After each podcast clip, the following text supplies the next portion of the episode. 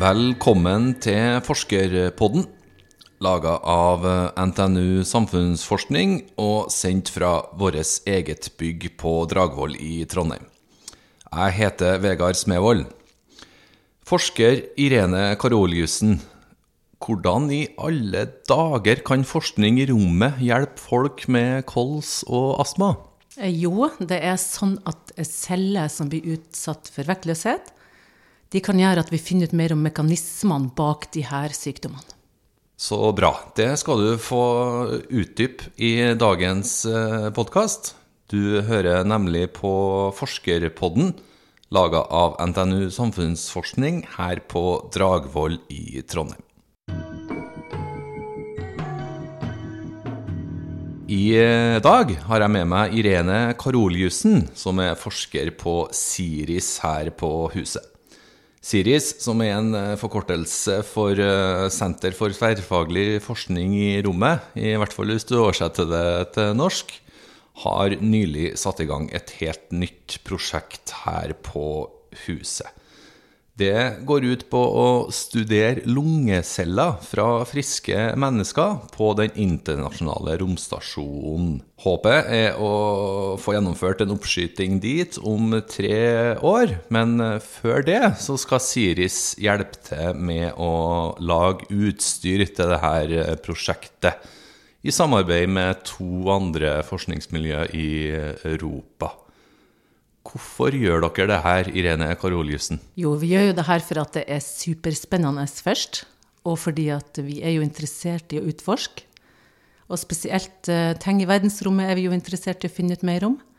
Men akkurat uh, dette prosjektet det er jo et samarbeid mellom noen forskere i Italia og uh, et OHB, som er et firma i Tyskland, der vi skal lage utstyr som skal støtte forskning på celler i vektløshet. Hvordan lager dere det utstyret her? Jo, det er jo noen bokser som skal utvikles som er ganske små. De er ca. 15 ganger 10 cm. Og inni de her boksene så skal vi ha seks små kammer der vi skal plassere lungeceller inni de kamrene. Jeg nevnte at det her kan hjelpe folk med kols og astma. På hvordan måte? Jo, det er sånn at dette vevet her er en slags modell av de cellene som menneskene har i lungene.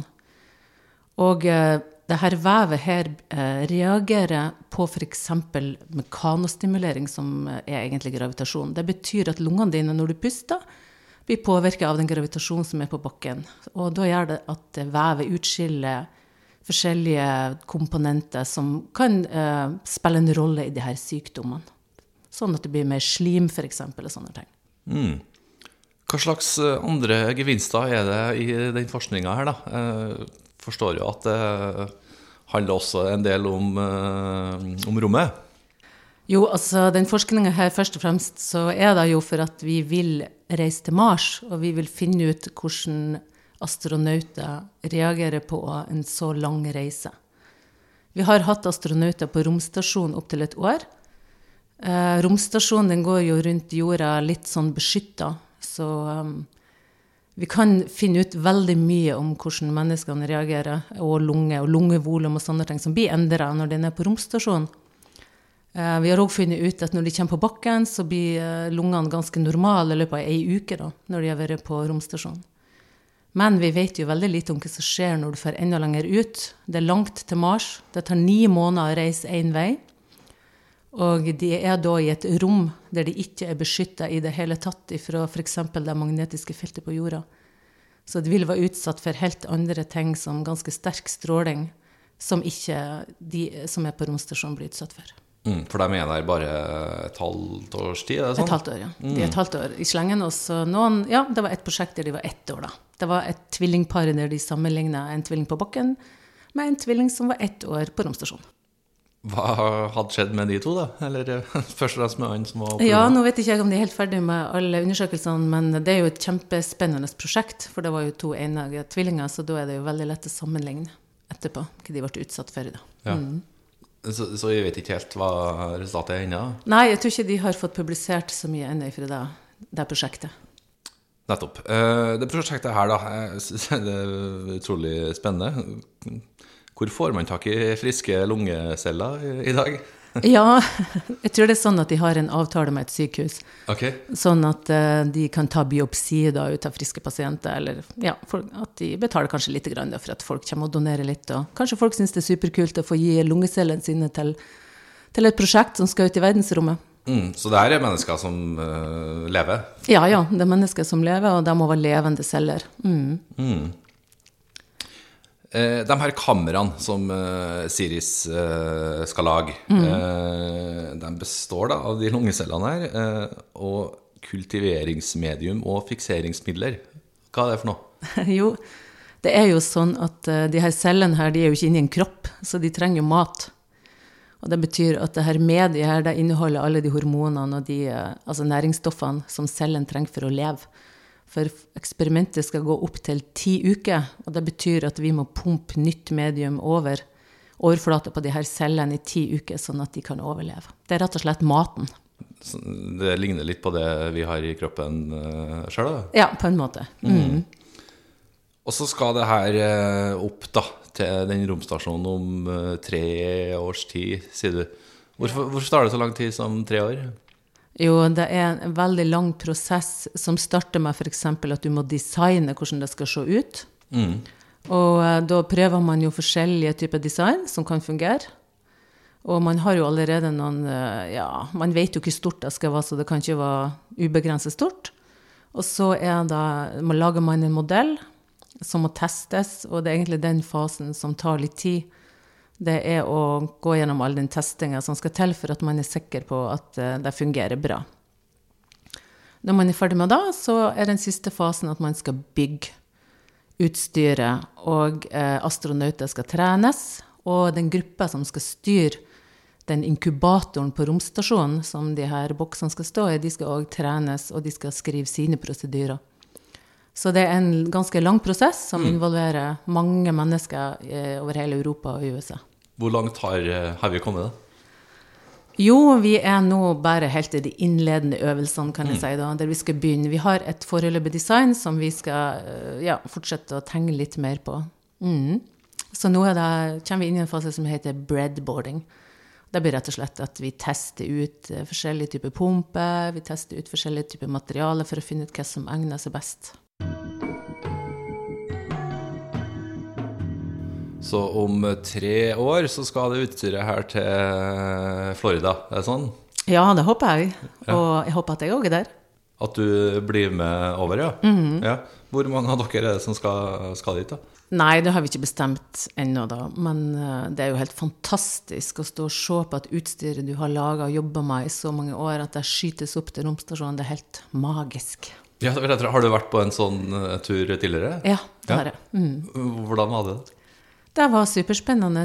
Og bare å være på Kennedy Space Center og få komme inn dit og få se hvordan de jobber. og, og hva jeg la med de, det var, det var helt utrolig. Det var veldig, veldig flott. Mm. Jeg forsto det sånn at det var en liten utsettelse, så du måtte dessverre være i Florida Ja. noen uker lenger. Ja, det er helt sant. Det, det, var, det er ofte at uh, rakettoppskyting blir utsatt pga. vær eller pga. tekniske ting. Så det er jo ikke verdens verste plass å bli stranda i Florida, Nei, kan man si da. Nei. Trenger dere noen kommunikasjonsrådgiver med på turen om tre år, eller? Ja, kanskje det. Ja, kanskje Kanskje det er en åpning. Jeg kan jo lage podkast, sant? Det kan du, vet du. Eh, og så blir utstyret skutt opp av en uh, rakett, rett og slett. Er den raketten bemanna, eller fyker den opp uh, av seg sjøl? Eh, det her er jo en SpaceX-rakett. Elon Musk, vet du. Ja. Så den er ikke bemanna, den raketten som det her utstyret skal opp med. Og det er jo for å sende opp både mat og eksperimentelt utstyr til romstasjonen, så de går jo ganske ofte opp. Mm. Og så kobler den seg til den store, Ja, svære romstasjonen. ja det gjør den. Den kobler seg på, og så, ja, så tar astronautene ut alt utstyret, og det kan jo være alt mulig som de trenger. Sjøl òg mat og, ja, som jeg sa, eksperimentet. Så det er med litt uh, den samme forsendelsen. Hvor, hvor ofte er det oppskytinga dit, da? Og det kan være ganske ofte, for det er jo raketter både fra USA og fra Russland skytes opp, så det kan jo være kanskje en gang i måneden, kanskje to ganger i måneden, faktisk. Og når utstyret er opp, da, så starter en ny fase av det prosjektet her. Og da er det italienere som er mest involvert. Uh, ja, det er jo eh, de forskerne som skal ha resultatene, det er jo ei gruppe som sitter i Palermo i Italia. Men de som skal utføre og styre inkubatoren, det er ei gruppe som sitter i Tyskland. Ja. Så det som skjer når de kommer opp, det er at eh, astronautene tar ut de her boksene med cellene i, og plasserer de i en inkubator. Og denne inkubatoren, han, eh, altså grunnen til at vi setter det der, det er at de skal ha 37 grader celsius, sånn som er i menneskekroppen. Ja. Og eh, den sender da liksom telemetri og sånn at data som man kan liksom følge med eksperimentet litt grann fra bakken. Og den gruppa, den sitter i Tyskland. Er dere da helt eh, hands off, eller eh, har dere Nei, no, hvis det skjer noen ting med utstyret, så skal vi liksom va- ha en sånn bakvakt, så de kan ringe til oss hvis de får noen problemer underveis. Mm, så det er ikke helt ferdig for det om du vinker farvel til Nei. utstyret ditt i Florida om tre år?